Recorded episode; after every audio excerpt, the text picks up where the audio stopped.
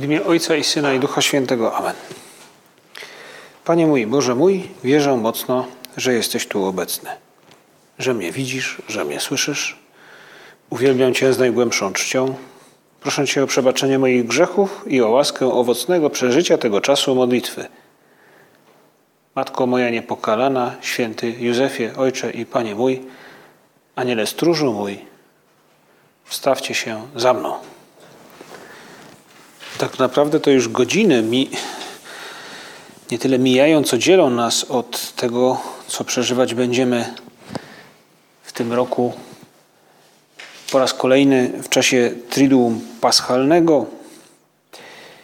Być może już trochę jakby nastawiamy się, przeczuwamy.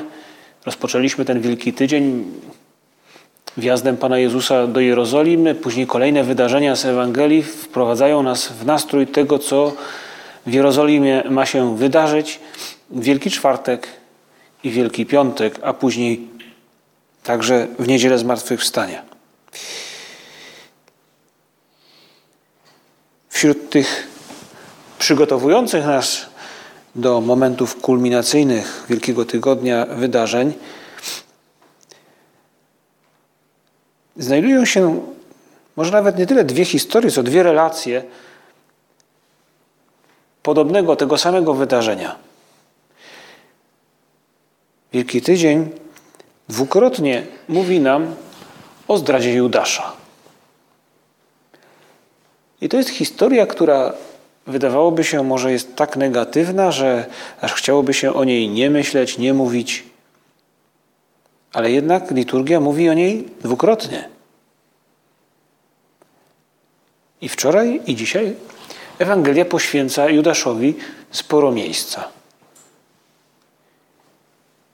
Jakby Kościół pierwszych wieków nie chciał wymazać tego, co dla niego samego można powiedzieć, że wstydliwe. Jedna z osób z najbliższego kręgu współpracowników, towarzyszy, przyjaciół Chrystusa odwróciła się od niego. Od samego początku Kościół można powiedzieć, że nie był idealny. Był złożony z grzeszników, ale był też uświęcony obecnością Chrystusa. I ta historia Judasza pomaga nam popatrzeć trochę na siebie. Pomaga nam rozważyć, co popchnęło tego człowieka do tak dramatycznej decyzji.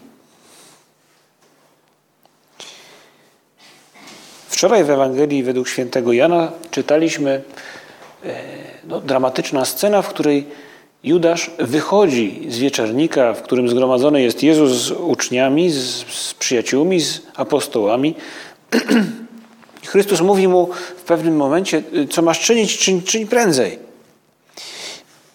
Uczniowie dopiero po czasie zrozumieli, o co chodziło. Wówczas myśleli, jak ewangelista nam mówi, że Judasz mm, na polecenie Chrystusa udał się, aby coś e, załatwić albo obdarować jakichś ubogich. Ale dramatycznie kończy ewangelista ten fragment, mówiąc o tym, że Judasz wyszedł na zewnątrz, a tam panował mrok, a była noc. Jakże smutne jest los Judasza, który idzie, by zdradzić. Jest sam.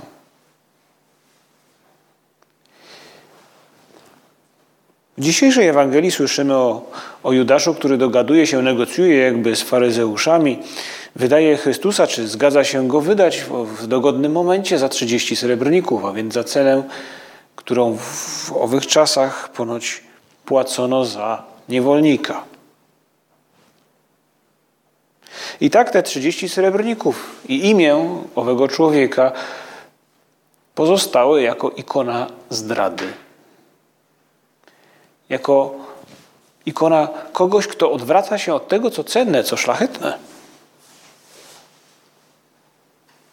Do tego stopnia, że niektóre kraje tradycyjnie katolickie używają nawet imienia Judasz zamiennie z, no, z epitetem drań, można tak powiedzieć.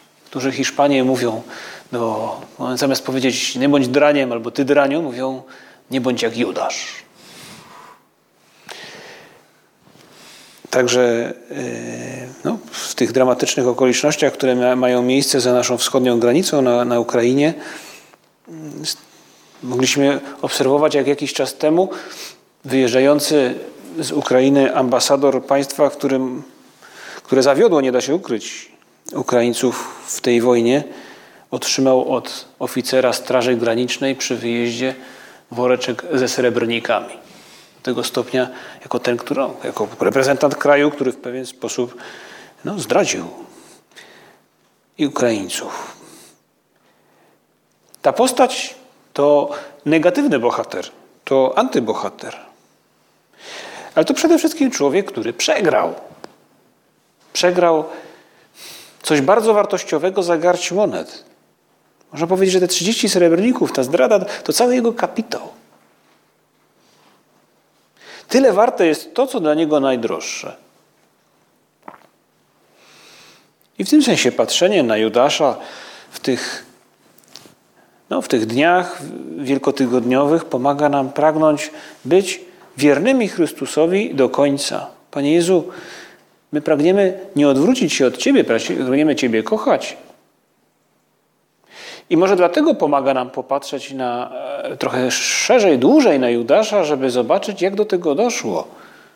Judasz nie urodził się zdrajcą. Chwilę wcześniej, chwilę wcześniej, w poniedziałek, słyszeliśmy w Ewangelii historię o tym, jak w Betanii Maria namaszcza Chrystusa. I Judasz też tam jest. To trzeci raz już, jak Judasz pojawia się w tym tygodniu. Judasz jest tym, który patrzy na ten olejek, widzi, jak ktoś troszczy się o Chrystusa, i można powiedzieć, że w tym momencie, gdy jeszcze nie wiemy o jego zdradzie, człowiek patrzący na, to, na tę kobietę, która kocha Chrystusa, yy, chce go jak najbardziej, najlepiej ugościć, chce mu dać coś, co ma no, cennego po prostu, zużyć dla niego. Judasz się oburza. Można by powiedzieć, patrząc na niego, nie mając jeszcze w głowie tej zdrady, że jest takim po prostu burakiem niedelikatnym, braku mu wrażliwości, obojętnym, yy, który patrzy tylko na pieniądze.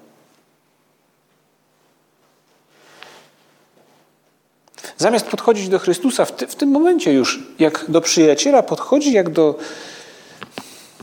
jak handlowiec. Widać, że stopniowo w tę postawę Judasza, która zakończyła się jego zdradą i później śmiercią,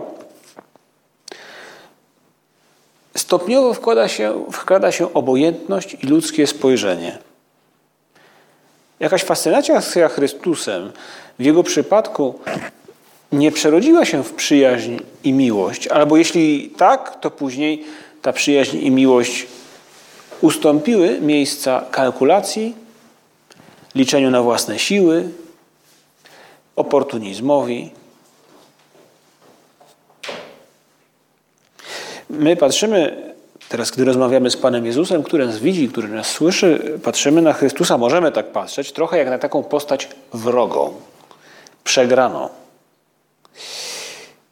Chcemy jej się dzisiaj przyjrzeć jako postaci, która jest dla nas pewnego rodzaju ostrzeżeniem, e, przestrogą, po to, żeby uniknąć losów Judasza, bo on nie urodził się zdrajcą. A może Judasz to nie jest wcielenie zła? Na pewno tak nie było. Nawet można powiedzieć, że do końca nie możemy przesądzić o tym, jaki jest jego los. Być może w ostatnich chwilach jego jakiejś świadomości, mimo że sam wybrał ten rodzaj śmierci, jaki wybrał, być może w ostatnich chwilach jego świadomości jednak spotkał się z Chrystusem i żałował za to, co uczynił wcześniej. Kto wie? Ale choćby to się nawet wydarzyło, to jednak ta zdrada Chrystusa jest czymś niezmiernie bolesnym. I jest, dokonuje tego człowiek, który nie jest wcieleniem zła. On jest taki jak my. Panie Jezu, my chcemy dzisiaj popatrzeć na to, jaki był Judasz Jak zaczynała się ta jego zdrada? Trochę popatrzmy na nią z daleka, po to, by pewnym sensie popatrzeć na nas samych i żyć w takiej, z taką zdrową nieufnością wobec samego siebie. Nie chodzi o to, żeby nie mieć wobec siebie szacunku, ale by nie ufać do końca samemu sobie, by w, w tym naszym pragnieniu bycia Tobie wiernymi nie opierać się tylko na naszych własnych siłach, by znać siebie, nasze słabości, to gdzie możemy, tak jak Judasz, zobojętnieć, a później dopiero Cię zdradzić. Kim był Judasz? Judasz był człowiekiem z talentami. Miał kontakty, był sprytny i spostrzegawczy. Można by powiedzieć, że był takim ogarniaczem. I pewnie dlatego apostołowie razem z Jezusem, tej, no, wśród dwunastu osób czy trzynastu razem z Chrystusem, to właśnie Judasza wybrali jako takiego kogoś, który trzymał kasę i, wiem, i zbierał i wydawał. Był to człowiekiem, któremu ufali, bo też z pewnością do tego się nadawał. Ciekawe, że nie wybrali do tego Mateusza celnika, który bądź co bądź, ale na pieniądzu to się znał. Być może był nieogarnięty. Fakt jest, że Judasz taki był i może to właśnie go zdradziło, taka pewność siebie. Potrafię załatwiać sprawy. Jestem tym, który popycha świat naprzód. Dobraczyński poświęca Judaszowi sporo czasu w swoich książkach, gdy opisuje poszukiwania Nikodema, e, jego pragnienie, by poznać Mesjasza. Nie jeden raz Nikodem spotyka się z Judaszem i to od Judasza dowiaduje się sporo trafnych rzeczy o Chrystusie. Ale to, jak Judasz o Chrystusie opowiada, mówi nam o tym, kim jest i jak on sam patrzy na to, kim jest Chrystus. I właśnie wśród e, tych wydarzeń, które Dobraczyński opisuje, jest jedno z nich, w których sam Judasz relacjonuje Nikodemowi, co się stało, gdy Chrystus rozmnożył chleb. Wydarzył się cud, który związany był też z nauczaniem Chrystusa i, i, i, i jak patrzy na to jeden z jego towarzyszy, sam Judasz mówi, to jest to, to jest cud. Teraz, teraz jest moment, by Mesjasz zatriumfował politycznie, by zapanował nad Rzymianami, by zmienił ten porządek. Tak opisuje to Dobraczyński. I widać też załamanie, wewnętrzne załamanie w tej opowieści Judasza, który ze smutkiem konstatuje, że nic z tego, o czym marzył, się nie wydarzyło, że Chrystus tego nie pragnie. Tej ludzkiej chwały, tego królowania, tego panowania nad całym Izraelem. We mnie jakby piorun trafił. Zrozumiałem, że on okazał wreszcie całą swoją moc. Teraz, myślałem, musi się stać to, na co czekaliśmy. Bo jeśli potrafi on mnożyć w nieskończoność chleb, to będzie mógł także rozmnożyć złoto, ziemię i broń. Kto go wtedy zdoła zwyciężyć? A my zwyciężymy każdego. Krzyk ludzi urastał we wrzawę, ta zaś zmieniała się w ryk, gdy on kazał zebrać, czego ludzie nie dojedli. Tych ułomków zaś było dwanaście koszy, największych, jakie znalazły się wśród ludzi. I później, gdy wiemy z Ewangelii, że Jezus postanawia, wysyła uczniów, mówi im, przepływawcie się na drugi brzeg, Judasz jest tym, który protestuje, którego boli to, że oto przepada okazja, by zapanować nad Izraelem realnie, politycznie, by Jezus stał się rewolucjonistą. Może by jednak wrócić, to akurat relacjonuje Judasz, mówi Tomasz. Tak się też zastanawia, ten niewierny. Wracajmy, upierałem, się. Czułem, że podobna chwila nie pojawi się już nigdy. Ludzie często przymuszają go do cudu. Dlaczego my nie mielibyśmy tego samego zrobić? Skończyłoby się wreszcie to czekanie na rzeczy, które można samemu uczynić w każdym czasie. Ludzie ogłoszą go królem, przekonywałem. On z jednego miecza uczyni tysiąc. Upomnijmy się za nasze krzywdy. W tej historii, gdy już przekłada nogę przez burtę, by wyskoczyć z łodzi i wrócić z powrotem na brzeg, to Szymon w opowieści Dobraczyńskiego mocnym uderzeniem wiosła odpycha łódź od brzegu i mówi nie. Nauczyciel kazał odpłynąć. I ruszają. I tak w sercu Judasza pozostaje wbita drzazga, że jego ludzkie pragnienia pozostają niezrozumiałe, nie, niezrealizowane. Ale jest też inny opis, który mówi trochę więcej o, o tym, jaki był, jaki był Judasz, Nikodem opisuje go w następujący sposób. Z wyglądu. To mały człowiek, kupczyk z Bezety, pochodzący z Kariotu. Kupowałem coś kilka razy w jego kramie i rozmawiałem z nim. Człowiek nie głupi i mimo młodego wieku otwarty, otarty między ludźmi. Z wyglądu postać raczej obskurna. Mały, herlawy, kaszlący. Dłonie ma niespokojne, śliskie, wiecznie spocone. Handel mu nie szedł. Kto zresztą potrafi w bezecie wytrzymać konkurencję z lewitami, którzy obracają złotem Ananiasza i jego synów? Wierzyciele zabrali mu wszystko. Myślałem, że on gdzieś zginął. On tymczasem pojawił się obok proroka. Tak Nikodem nazywa Chrystusa. Chodzi za nim. Słucha go, a gdy ludzie zbytnio się pchają, robi porządek z taką miną, jakby był najzaufańszym sługą mistrza.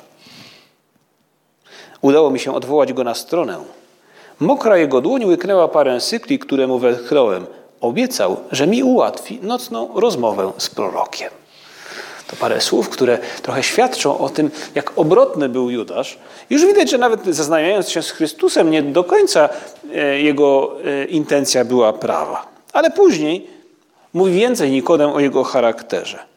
Jest zabawny człowieczek, chory na pieniądz. Nie wiem, co by się z nim stało, gdyby w nagły sposób jakiś stał się właścicielem wielkiego skarbu. Przypłaciłby to chyba życiem. Mówi tak, przyznał mi kiedyś, iż według niego moc, którą włada Jezus, przerasta jego umiejętność używania jej. Chrystusa. Z taką potęgą, twierdzi, można zrobić coś więcej niż opowiadać tępym galilejskim chłopom naukę o miłowaniu siebie nawzajem. Ale co prorok powinien uczynić, tego Judasz chyba nie wie. A może wie, lecz nie chce przede mną wyjawić swych myśli. Wydaje mi się, że jest w nim całe morze nienawiści. Dlaczego, nosząc ją w sercu, poszedł za prorokiem litościwych słów i czynów, pozostanie dla mnie zagadką. Taki oto Judasz jawi się w powieściach E, Dobraczyńskiego, który będąc, pozostając wiernym Ewangelii, pomaga nam zobaczyć, że w serce Judasza wkrada się niechęć, obojętność, byle jakość. To człowiek, który w rzeczywistości nie kocha. Ta zdrada wynika nie tyle z wyrachowania, co z obojętności, z oddalenia się wewnętrznego od Jezusa.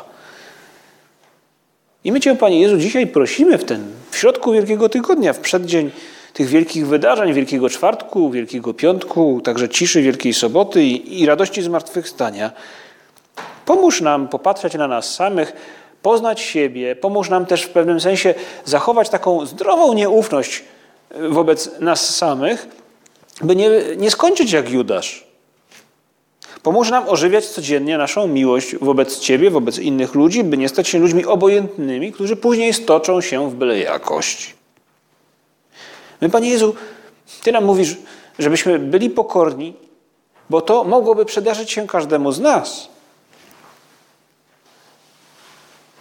Dlatego dzisiaj każdy z nas może postanowić sobie zachować czujność i prosić Boga, Chrystusa o pomoc, by obojętność nigdy w nas nie zagościła na dobre, nie zakorzeniła się na długo. Dlatego potrzebujemy czujności i potrzebujemy też ożywiać naszą miłość wobec Chrystusa. To jest to, z czego zabrakło Judaszowi.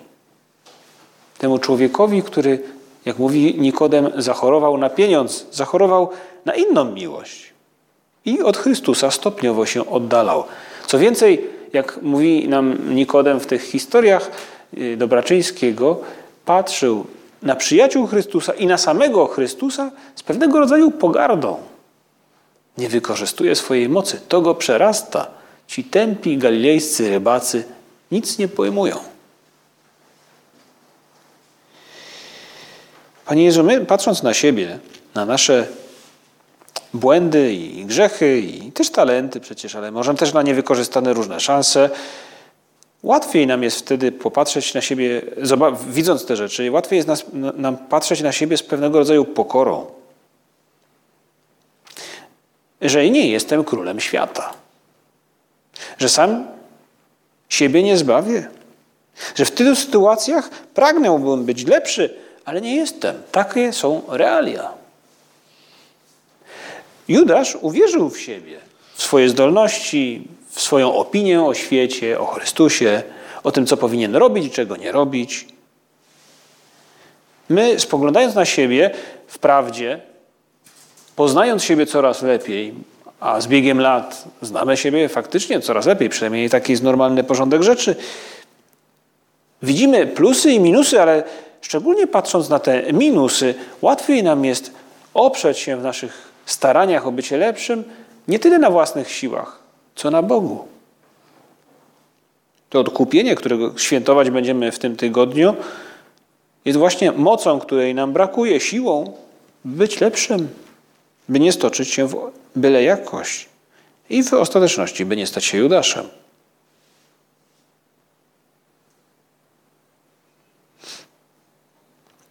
Święty Josemaria mówił, przywoływał często taki biblijny obraz, który pojawia się w Starym Testamencie, w Księdze Daniela.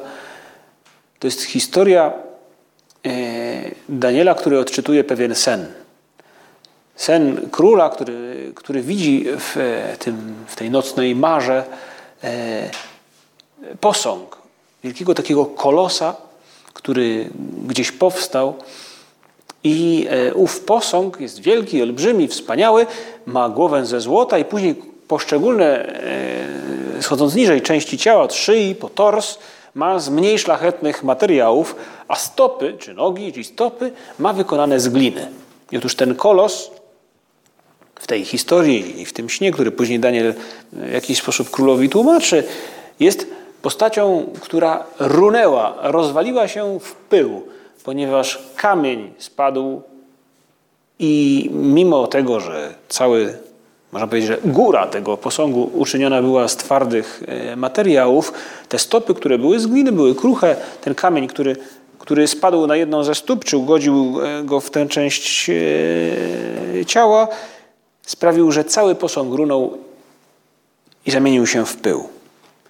Ten obraz ze Starego Testamentu przywoływał święty Josemaria wiele razy, gdy mówił o pokorze. Mówił, my jesteśmy trochę jak ten kolos. Jesteśmy ludźmi, jesteśmy stworzeniami niesamowicie cennymi. Ale pamiętajmy, że mamy nogi z gliny. Judasz o tym zapomniał. Judasz wierzył w siebie. Może też nie znał siebie do końca. Ale my możemy patrzeć, patrząc na siebie, dokonując takiego zdrowego, dobrego rachunku sumienia od czasu do czasu, przed spowiedzią, ale też no, każdego wieczora, łatwo nam jest dostrzec, że, że nie jeden raz nam się nie udaje. Ale też ten rachunek sumienia, kiedy jest pokorny, nie prowadzi nas do tego, byśmy byli ludźmi zdołowanymi, jaki to jestem kiepski, bo to też jest brak pokory. Człowiek pyszny, który można powiedzieć, że, e, że zburzył się, rozpadł się na kawałki, bo zobaczył, że nieb jest taki, jak sobie wymarzył. To jest człowiek pyszny. A pokora człowieka, który w pewnym sensie nie ufa samemu sobie, ale opiera się na Bogu, to pokora człowieka, który robiąc rachunek sumienia, dostrzegając swoje błędy, postanawia być jak Dawid, który wyrusza na spotkanie z Goliatem, uzbrojony w niewielkie swoje siły i zdolności, ale z przekonaniem, że Bóg mu towarzyszy. My, Panie Jezu, prosimy Ciebie, pomóż nam z jednej strony poznać się lepiej, by widzieć nasze dobre i słabe strony, ale pomóż nam też, tak jak w historii z Dawidem, opierać się na Tobie, Pomóż nam być świadomymi, że Ty nam towarzyszysz i pomóż nam ruszać do walki z naszymi wadami i, i, i do walki o dobro, ze świadomością, że nie jesteśmy sami, że to nie nasze siły poprowadzą nas do zwycięstwa.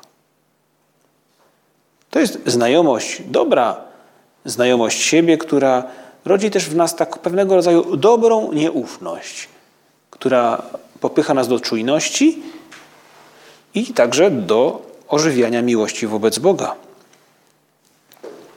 Ale ta zdrowa nieufność wobec samego siebie nie tylko popycha nas do tego, by walczyć ufając Bogu, ale także by, by na przykład rozpoczynać walkę od nowa za każdym razem, kiedy nam się nie udaje. To inna z historii, którą święty Josemaria czasami powtarzał, a w jednym przypadku nawet sam ją zainscenizował, bo działo się to, zdaje się, albo w trakcie, albo krótko po jednej z olimpiad. I na jednym filmie jest to nawet nagrane, gdy święty Josemaria opowiada o tym, że no, taki jest los chrześcijanina, że naszą, naszą rolą jest też czasami walczyć. A walcząc, czasem człowiek też upada i wtedy, jak każdy sportowiec, musi powstać. Mówił, widziałem jak na olimpiadzie skoczek od tyczce, yy, przygotowuje się, koncentruje, łapie tę tyczkę, biegnie, skacze i strąca poprzeczkę. I co robi wtedy sportowiec? Mówił, koncentruje się jeszcze raz, i pokazuje na tym filmie, widać jak, prawda, jak koncentruje się, udaje takiego sportowca, który się e, rozluźnia, który robi jakieś e, różne wygibasy, łapie tę tyczkę i później biegnie. I za drugim razem, czy za trzecim mu się udaje, ale tylko dlatego mu się udaje, że spróbował raz jeszcze. To jest właśnie coś, czego Judaszowi się nie udało. Judasz być może kiedyś poległ raz i już nie powstał. I później nie powstawał swoich, ze swoich obojętności. Judaszowi brakowało takiego sportowego stylu, by nie popaść w obojętność i w byle jakość. Panie Jezu, my kończymy nasze rozważanie tego wieczoru i, i prosimy Cię, e, zafunduj nam takie ubezpieczenie, byśmy nie stali się Judaszami. Daj nam z jednej strony pokorę człowieka, który opiera się w walkach na, to, na Tobie, a nie na własnych siłach. Z drugiej strony daj nam spryt, sportowy styl w tym, by do walki przystępować i raz, i drugi, nawet wtedy, kiedy nam się nie uda. I daj nam także taką zdrową nieufność wobec samych siebie, wiedząc, że nasza wierność Tobie nie jest zagwarantowana, ale też upadek nie jest przesądzony. My, Panie Jezu, pragniemy być Tobie wiernymi. Judasz, jego historia jest dla nas pewnego rodzaju przestrogą. Przestrogą, którą postaramy się wykorzystać, by kochać Cię bardziej i nie stać się byle jakimi w naszej miłości. Maryję na koniec prosimy, żeby pomogła nam ożywiać naszą miłość do jej Syna w konkretach, by nam owa miłość nie spowszedniała i nie popchnęła nas taka marna miłość, byle jaka, do zdrady. Dzięki Ci składam, Boże mój, za dobre postanowienia, uczucia i natchnienia, którymi obdarzyłeś mnie podczas tych rozważań. Proszę Cię o pomoc w ich urzeczywistnieniu. Matko moja niepokalana, święty Józefie, Ojcze i Panie mój, Aniele stróżu mój, wstawcie się za mną.